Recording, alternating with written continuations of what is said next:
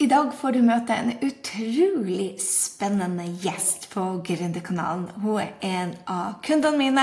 Hun har gått fra å være lege til nå å være gründer.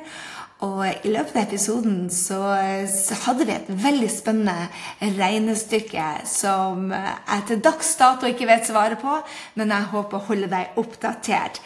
Du skal få møte altså Ingrid, som var fastlege, gikk på en smell, og nå hjelper hun andre kommer tilbake til arbeidslivet. Og guri malla, denne modige jenta. Hun har gått fra å ha eh, 50 stykker på e-mail-lista si til 7000. Hun har gått fra å eh, hate sosiale medier til nå å elske det. Gled deg til å møte denne rå dama. Men det jeg har lyst til å dele med deg først, det er det at du kan lære av Ingrid akkurat denne uka hvis du går på eh, eh, mestring og helse. Eh, jeg skal legge det inn her. Du finner Ingrid overalt i shownotene våre. Og ikke minst så kan du være med på, hvis du er interessert i å bli gründer og vite hva hun har gjort, så skal jeg dele alt i en treningsserie. Du går på grisinning.no slash livetrening, og da finner du også Begge linkene er selvfølgelig i shownotene, så få de med deg. Men nå, vær så god, her er jeg og Ingrid etter masse tekniske utfordringer som vi hadde i dag, men vi kom på. Nyt! Vi prøver igjen. Vi er tilbake på Gründerkanalen, og vi har med oss doktor Ingrid. Hei, Ingrid, og velkommen igjen. Tusen takk, Gry. du, for de som ikke kjenner deg, uh, hva er det du driver på med, og, uh, og uh, hva er det du gjør som gründer? Du, jeg jobber med stressmestring og livsmestring eh, som gründer. Og jeg er jo ganske fersk i gründerlivet, vil jeg si. Jeg starta for ett og et halvt år siden. Og veien min inn til å jobbe med dette her, det var jo det at jeg ble utbrent eh, og skjønte at eh, her må det til noe for å få et eh, annet liv. Og så så jeg òg etter hvert at jeg var ikke alene om å gå på en smell. Vi blir stadig flere, sånn at her er det faktisk et kjempebehov ut der for å få mer informasjon og for å få hjelp til å bli bedre. Så det var veien min inn til det her nye hverdagen. Fra å sitte på fastlegekontoret til å være min egen sjef. Ja, for du er doktor, eller lege heter det kanskje på norsk? Det er jeg. Har jobba som eh, fastlege i mange år uh, tidligere. Og så gikk jeg på den her uh, berømmelige smellen, da. Det her følelse av at totalbelastninga mellom eh, jobb og familie ble for eh, stor. Og jeg fikk ikke nok overskudd egentlig til å klare meg i hverdagen lenger. Så hvordan er det at en uh, lege går på en smell, for det skal man jo ikke. Dere skal jo hjelpe andre folk å unngå eller komme tilbake. Uh, kjente du på det at, at folk som meg hadde sånne holdninger at, at jeg tulla litt med deg? Jeg håper du vet det. men, men, kjente du på det at, at leger egentlig ikke skulle gå på, på smell? Ja. Jeg syns det var kjempeflaut. Eh, at jeg som hadde så mye kunnskap om eh, helse, ikke greide å ta vare på min egen helse. Og det var jo veldig fascinerende at jeg satt og ga råd til mange av mine pasienter som, som hadde akkurat de samme symptomene som jeg hadde. Eh, og så greide jeg ikke å følge mine egne råd, og gikk i nøyaktig den samme fella som pasientene mine gjorde. Så det var skikkelig pinlig. Og det å bli sjukmeldt, det var kjempetøft. Og jeg turte nesten ikke å gå ut av døra på dagtid, for at jeg var redd for at noen skulle skjønne at jeg var sjukmeldt. Ja, det, tenker du det at det var spesielt at du var lege som gjorde det, eller tror du at eh, er det andre av kundene dine? For du går fra pasientene ut til kunder, regner jeg med. Mm. Er det andre av kundene dine som har følt på den skammen? Jeg, jeg sitter jo og har vært 18 måneder på Nav og sykemeldt sjøl og hadde gått på to smeller før, så jeg kjente på den utrolige skammen med å ja, ikke mestre livet. Eh, er, er, det fremdeles skambelagt, eller er det mer det at det var i gamle dager? Og det er masse, masse skam ute der. Eh, veldig mange som kjenner på det at eh, ja, at det er flaut. Eh, og man har veldig høye krav til seg sjøl, så det å ikke greie å være i jobb er et nederlag for mange. Sånn at eh, det handler ikke bare om at jeg var lege, det handler om en sånn generell holdning i samfunnet. Så det er jo noe av det som jeg jobber med med mine kunder, det er jo akkurat denne skammen og det å skjønne at eh, man er ikke alene. Altså. Det er ikke deg det er noe feil med. Det er sånn det ofte er at vi føler at vi ikke strekker det. Og samfunnet har jo veldig mye fokus på det at vi skal være produktive, effektive, og vi skal bidra. sant? Og når vi ikke klarer det, eh, så mister mange av oss verdien og trua på oss sjøl. Eh, så det gjør noe med sjølbildet òg, i stor grad. Ja, så absolutt. Tror du, tror du, um, tror du at det er spesielle altså, Tror du det er spesielt for gründere eller folk som er ledere, eller er det like mye utbrenthet i alle typer grupper, om man er i en barnehage eller er sett på et, et flytårn, eh, eller er det spesielt yrkesgrupper eller mennesker som blir utsatt for å bli utbrent? Eh, jeg tror det er spesielle grupper av mennesker som eh, kan bli utbrent, men de jobber jo i alle ulike yrker skulle jeg ta si, i samfunnet, så det handler kanskje mer om hvilke eh, personlighetstrekk vi har da, som disponerer oss for å bli utbrent. Og det å være flink pike eller flink gutt, det er jo en sånn uh, viktig ingrediens i den oppskrifta på å bli utbrent. Det å ha høye krav til seg sjøl, det å være redd for å gjøre feil, det å være veldig pliktoppfyllende og omsorgsfull det å ikke greie å sette grenser, det å være et ja-menneske. Altså det er mange sånne ingredienser som gjør det eh, lett å bli utbrent uansett hvor man jobber. Så hva er det det første du gjør med dem når de kommer inn til deg for å snu det? Eller hva er det det første du gjorde med deg når du skulle snu dette? For jeg vet at du har litt andre metoder da enn enn eh, de andre. F.eks. fikk jeg beskjed om å gå tur, mens du sier du, det funka ikke i det hele tatt for deg. Nei, og det er noe med det at, eh, at hvis du har pressa deg så langt at du har blitt utbrent, eh, så er det ikke mer press du trenger, skulle jeg til å si. Det vil ikke gjøre deg bedre å presse mer og bare bruke viljen og bite sammen tennene og stå på. Det vil bare forverre situasjonen. Så jeg tenker absolutt at på et eller annet tidspunkt er det fint å gå tur, men hvis du er så sliten at du ikke kommer deg opp av senga og får på deg sokkene om morgenen, da tenker jeg ikke at du skal gå en halvtimes tur. Eh, det er ikke det som vil gi deg energi da. Så alt du sier tid, det tenker jeg er veldig, veldig viktig. Og mye av nøkkelen som jeg ser i forhold til det å bli bedre av utbrenthet, det handler rett og slett om å finne ut hvordan man kan ta kontroll over stressystemet. Det å lære seg å skru av stresset og lære seg hvordan man kan eh, finne den gode roa som vi egentlig har når vi ikke har for høyt tempo, det er helt essensielt i forhold til det å kunne komme seg ut av det her og få tilbake hverdagen og helsa. Ja, for noen av oss um, driver jo på høyt tempo, mens noen gjør det ikke. Hva er forskjellen? For jeg har fremdeles ekstremt høyt tempo, og jeg elsker det. Men det var en periode hvor høyt tempo ble negativt. Hva er det du tror er forskjellen på det at du har et tempo da som er positivt, og et tempo som er negativt? Altså, jeg tenker Vi tåler stress, og vi tåler å ha et høyt tempo. I utgangspunktet er vi skapt for det. Vi er skapt for å gi og for å yte. Men vi er ikke skapt for å stå på eh, dag og natt over uker og måneder. Altså, Nøkkelen her er at vi er nødt til å lande innimellom og lade. Eh, det blir litt sånn som en, en, mobil. Hvis du bare bruker den og aldri lader den, så funker den veldig dårlig til slutt. Så, så jeg tenker tempo og stress i korte perioder i passe dosering, det er helt genialt. Men vi må ha et robust og fleksibelt stressystem som tåler det å være på, og som kan å skru seg av. Så, mm. så, stress er viktig. Jeg tenker Vi trenger det i hverdagen, ellers så blir vi sittende i en stol og ikke gjøre noe som helst. Og det er jo heller ikke noe fremtid.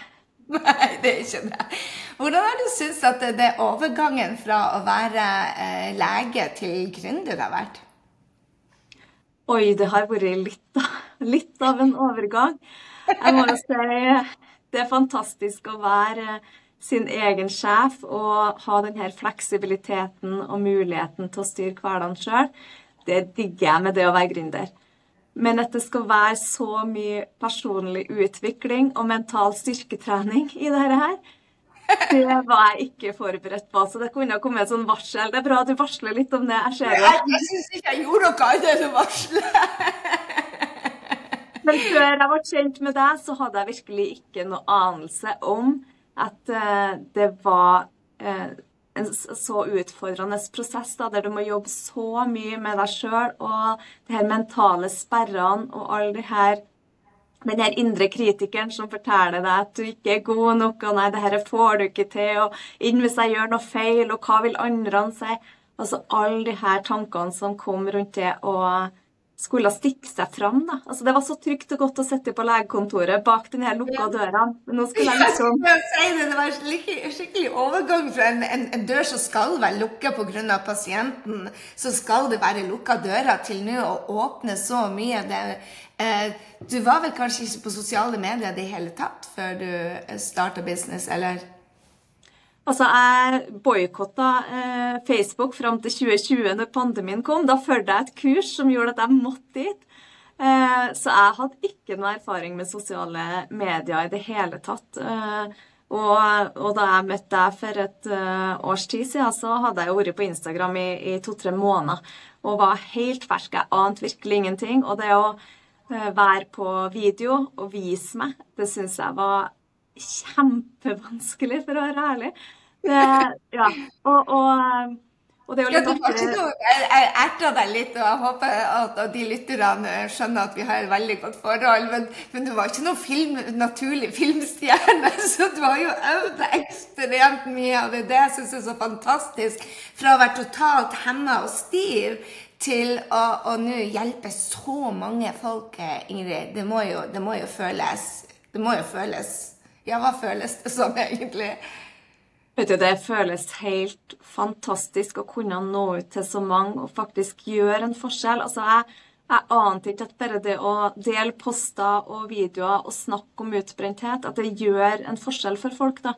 Og, og, og, da er det verdt det faktisk å stå og, og spille inn det her 100 filmene som du ikke kan bruke, bare for å få den ene som du faktisk kan legge ut, og som gjør en forskjell for noen ut der. For det, får jeg så mye tilbakemeldinger om, og det gjør jo det her, her eh, til verdens mest meningsfulle jobb, vil jeg si. Ja, du hadde kanskje Hvor mange pasienter hadde du i løpet av en dag? Altså, Jeg kunne ligge på en 15 pasienter per dag, kanskje. Og og jeg følte jo, det, det, som var vanskelig da jeg var fastlege, var at jeg følte jo ikke at jeg fikk gjort dem. Altså Det handla jo om å på en måte eh, plastre litt på noen sår og, og lindre noen symptomer, men jeg fikk ikke gjort noe med årsaken til at de ble syke. Og, og, det er annerledes nå. Nå kan vi virkelig eh, Nå bestemmer jeg sjøl hva jeg vil ha fokus på. Så nå kan vi virkelig jobbe med årsakene til at vi blir utbrent, og gjøre noe som, eh, endringer som virkelig varer. Og det det er det beste, syns jeg, med det her. Altså den overgangen. At jeg, at jeg kan gi folk um, de her stegene og de her oppskriftene på hva de skal gjøre konkret for å få tilbake livet sitt uh, når de er sliten og utmatta og ikke aner hvordan de skal gå fram videre. Hvor mange år var du lege? Jeg jobba som lege i en tiårsperiode. Uh, så og, kjapt hoderegning, da, så har du hjulpet flere nå i løpet av ett år på nett enn ti år på kontoret? Omtrent. Ja. ja. Det, det har jeg ikke sånn- tenkt på. Det, det, er bare noe som slo meg, det at dette er liksom the power med, med å være på nett. Det er at man kan nå så mange og hjelpe så mange. Og du satt jo og, og hadde et lite avgrensa område, mens nå snakker du til folk, håper jeg, fra hele Norge? Ja. Og det er, eh, det er det fantastiske med sosiale medier. Nå gikk jeg fra å, å hate sosiale medier bokstavelig talt til å elske det. Så lenge vi bruker det med måte, men muligheten for å kunne nå så mange på så kort tid, og, og det å ha et sånt fellesskap eh, Når folk leser hva andre skriver i kommentarfeltet og bare sier 'Å, sånn har jeg òg det', det fellesskapsfølelsen man får da på at man ikke er alene, den tror jeg faktisk eh, gjør en kjempeforskjell for helsa vår når vi er utbrent. Ja. Så hva er det denne friheten har betydd for deg, da? Det, så du hadde tatt en, en, ferietur, og du nådde drømmen din litt tidligere enn på det du jeg trodde. Du, du snakka fra dag én om at du hadde lyst til å ta familien din til Maldivene. og, og Eh, bare hoppe av innimellom. Eh, føler du at du kan det nå når du er gründer? Eller det første året er jo tøft, som du sier, både mentalt og psykisk, fysisk og spirituelt som, som gründer. Uh, får, får, du lada òg i det mm. hele? Ja. ja. Altså, men jeg, jeg, tenker som gründere så er vi utsatt for å kunne bli utbrent. Eh, absolutt. Sånn at eh, vi skal ha det i bakhuet. Men, eh, men, det å finne denne balansen mellom å være på og gjøre noe du elsker For vi kan jo brenne oss ut på å gjøre noe vi virkelig brenner for òg. Mm. men det å ta seg tid til det her pausene og det her pustepausene og det å, å virkelig koble av ordentlig innimellom, da, og det å kunne ta med familien på en sånn ferietur og og snorkel og gå på stranda og, og bare nyte øyeblikket, det har veldig, veldig mye å si for stressystemet mitt, i hvert fall. Og, og jeg tenker at eh, det fortsatt er et sånt fokus. Har man vært utbredt én gang, så er det å fortsette å ha fokuset på det og lytte inn til hva kroppen sier, og ta signalene, da. Og roe ned når kroppen trenger å hente seg inn igjen. Hva er det som har vært mest utfordrende med denne oppstartsperioden? For du, det, det, er jo bare halvannet år du har vært i, i, i gründerrollen, så det er jo fremdeles en oppstartsperiode, selv om businessen din har eksplodert det siste halvåret. Vi var jo her i februar, var det ikke det? I, i vinter. Og da begynte du å kjøre workshoper, og nå så har det mange tusen som har vært på workshopene dine. Så hva hadde vært det mest utfordrende, syns du, i denne prosessen fra å gå fra null kunder til ekstremt mange kunder? Det er vel det å henge med skulle jeg til å si, i huet, altså. Eh, det å, å, å la det skje. For jeg tror jo at hvis man ikke har det mentale på plass, så stopper prosessen opp. Så det å jobbe nok med seg sjøl til at, å tillate at denne eh, veksten skjer, da. Eh, og det er klart det er utfordrende i starten med at eh, alt er nytt. Altså det, det er alt som skal læres. Altså jeg ante ikke at det var så mange ting som jeg må ta kontroll på. Så det å For meg har nøkkelen vært å være i et fellesskap med andre gründere og, og, ha noen å spare med. Og det å kunne se på en måte hvordan andre gjør det, og det å ha noen støttespillere, Power Friends, det har vært veldig, veldig viktig. Og det å, å ha noen da, sånn som deg, som har gått før i, og som på en måte har oppskrifta klar. Hva er det du skal gjøre? Og så er det jo faktisk ikke verre enn å følge den oppskrifta. Jeg har jo skjønt det. Hvis jeg bare gjør som det sier, så blir det greit. Jeg må bare ikke bruke tid på å finne opp kruttet sjøl, for da kommer jeg til å bruke lang, lang tid. Ja, for det er jo sånn når du, når du starta som lege, så visste du at det var en reise. ikke sant? At du blir ikke et lege over den første tremånedersperioden. Men det er mange som tror at det med gründer er faktisk bare å hoppe i det, og så har du to uker, og så er du ferdig utlært. Men som du sier, det er jo en, en veldig mental reise i tillegg til det nye. Så jeg har lyst til å spørre deg om, om det her med hva, hva betyr det å være en mental reise for deg? For, for, jeg snakker veldig mye om at det er mentale utfordringer, vi, og man må være mentalt sterk. Men for deg, hva betyr det uh, med at det har vært utfordrende mentalt? Altså, jeg har måttet jobbe med, med denne indre kritikeren min, som har sagt at nei, dette får du ikke til, eller du må ikke ta så mye plass, eller nå maser du på folk når du forteller at du, at du har noe å gi, sant? Og så har jeg skjønt etter hvert at det med salg og markedsføring, det er jo hele nøkkelen her. For jeg kan ha så mye bra tilbud, mens ingen vet at jeg er der, så hjelper det jo ingen. Så det er faktisk eh, det å gjøre folk en tjeneste, da, å være synlig og fortelle at jeg finnes, og så er det opp til dem å velge om de vil eh, være med meg, eller om de har noen annen som matcher bedre, som kan hjelpe dem videre på veien. Så det å våge å være synlig, der har jeg hatt det kjempesperre, og der har jeg måttet gått utrolig mange runder med meg sjøl altså, for å la meg sjøl få lov til å ta plass og tenke at det er greit, og, og gi meg sjøl lov til å gjøre feil. Det er òg noe. Ja, og, og feil mens andre ser på. Det er vel kanskje det som vi er mest redd for. Og du som da er lege, står vel kanskje i en ekstra utsatt posisjon, da, fordi at eh, der er en lege som har fått mye pepper i Norge. Var du redd for det, og, og hvordan har du håndtert den, den, type redsel om at du har en stilling som da er, er litt annerledes enn en meg, f.eks., som ikke har noen sånne krav? Ja, det har jeg vært eh, veldig redd for. Hva på en måte kollegaer ute der skal si. Og, sant? Og, og, kan jeg få noen utfordringer i forhold til yrkesrollen min? Sant? Det er jo noen krav som fører med det å være helsepersonell. Så, så, jeg har vært, kjemperedd for det. Og så er det jo så fantastisk da når, når det er kollegaer og leger rundt omkring som sier 'Å, så bra at du gjør det her', og, sant? og som òg blir med på kurs, fordi at de må trenge det her verktøyene og kan gi det videre til sine pasienter. Og så er det ikke det at jeg, jeg, tror det er den største redselen egentlig for, for kosthold og næringsfolk, og for, for, det at det er mye støy der ute. Hva tror du det er som gjør det at det er så mye støy på, um, på de forskjellige perspektivene. For vi alle har jo bare et perspektiv. Og vi eier jo ikke sannheten, noen av oss. Men hva er det som gjør det at, noen, eh, at det blir sånn støy uti der med disse forskjellige perspektivene? At det er så lite akseptanse for forskjellige måter å løse problemene på? Har du, har du noen formening om det?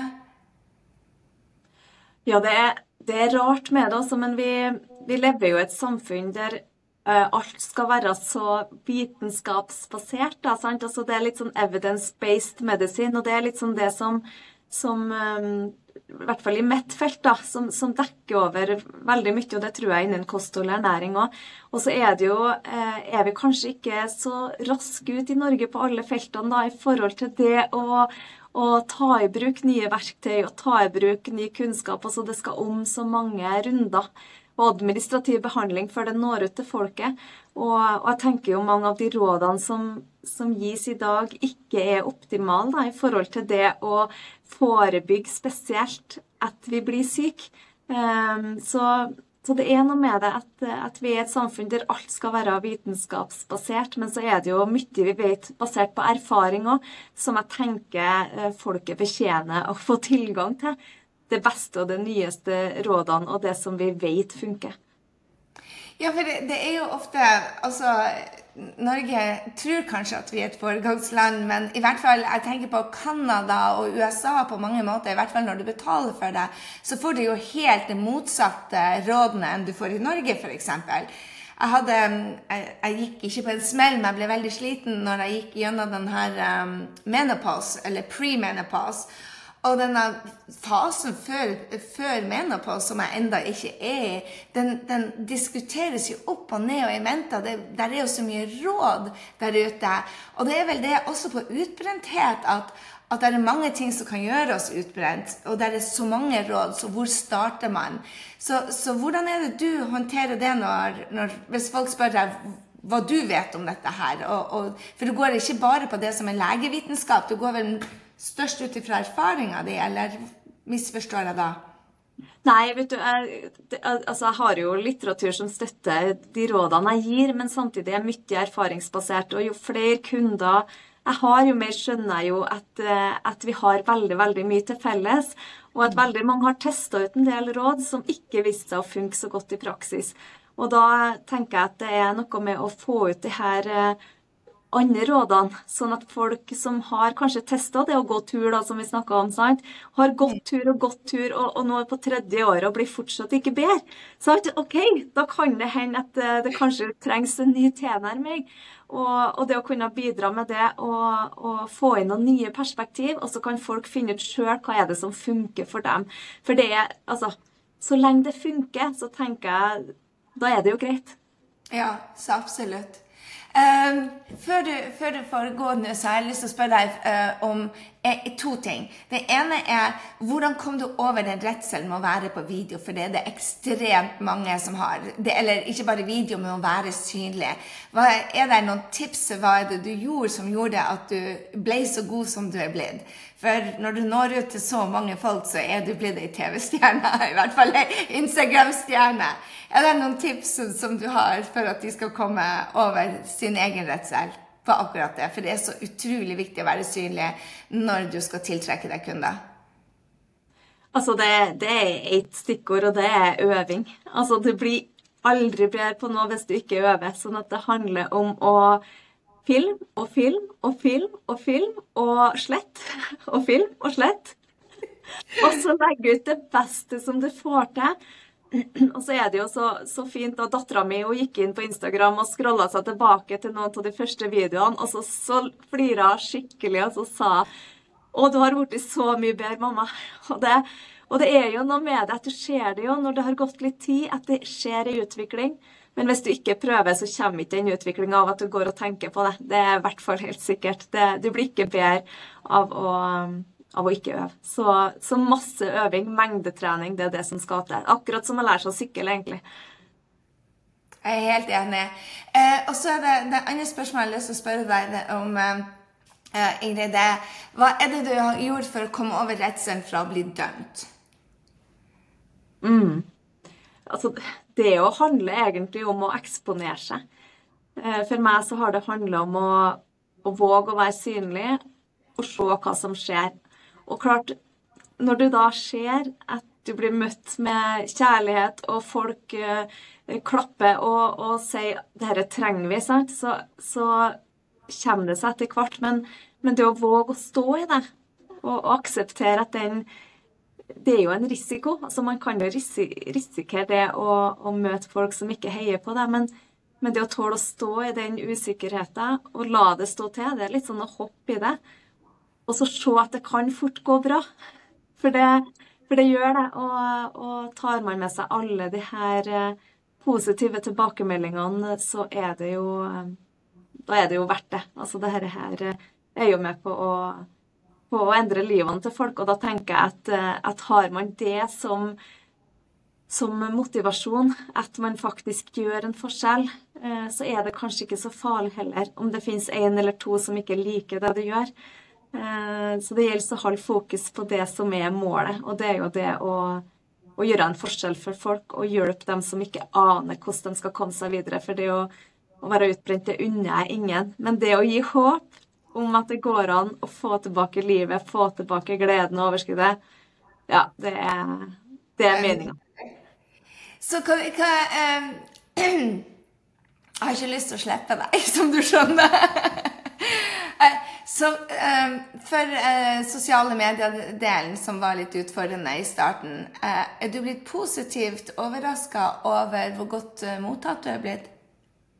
Ja, veldig. Altså, det er jeg har ikke fått noe, noe støtende kommentarer eller eh, haters eller, eller noe, så det har bare vært det har bare vært fantastiske følere som, som uh, liker og kommentere og sende meldinger. Og, og det å, å, få denne kontakten med dem, da, og kjenne at, uh, at det er faktisk ikke en sånn masse man når ut til, men det er enkeltmennesker sant, som sitter på andre sida av skjermen, og som bare og akkurat i dag trengte å høre det jeg hadde å si.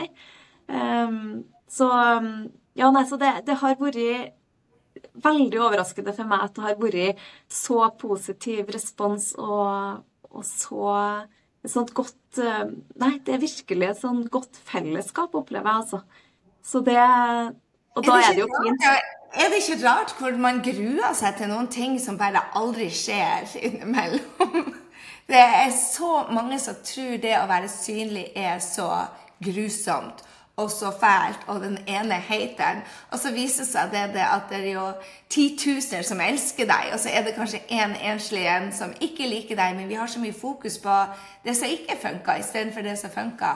Eh, også vi som, som eh, Ja, jeg oppfatter meg selv som en oppegående kvinne, men likevel så går jeg rundt og gruer meg for ting som aldri skjer. Ehm, er det Ja, fascinerende.